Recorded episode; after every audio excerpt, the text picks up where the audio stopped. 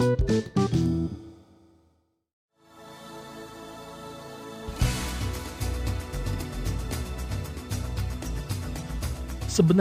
arti penting merchandiser bagi sebuah bisnis retail itu apa sih Pak Christian? Saya memiliki istilah khusus bagi merchandiser. Merchandiser adalah jantung perusahaan retail.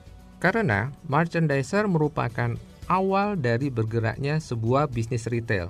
Bagian ini laksana jantung yang memompakan darah ke seluruh bagian tubuh melalui pembuluh darah sehingga menjangkau ke seluruh bagian tubuh kita. Begitu juga merchandiser adalah bagian yang menggerakkan bisnis retail sejak awal. Dari bagian ini, sebuah wajah perusahaan retail ditentukan. Mau menjadi apakah wajah sebuah bisnis retail sangat ditentukan oleh bagaimana merchandiser menerjemahkan keinginan perusahaan dalam pemilihan merchandise-nya. Contoh, jika sebuah peritel ingin membentuk sebuah bisnis retail yang melayani kelas menengah ke atas, maka pemilihan merchandisernya harus benar dan tepat.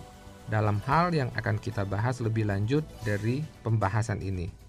Jika merchandiser gagal menerjemahkan hal-hal yang telah ditetapkan, maka tidak akan tercapai pula keinginan perusahaan dalam membuat sebuah bisnis retail seperti yang ditargetkan.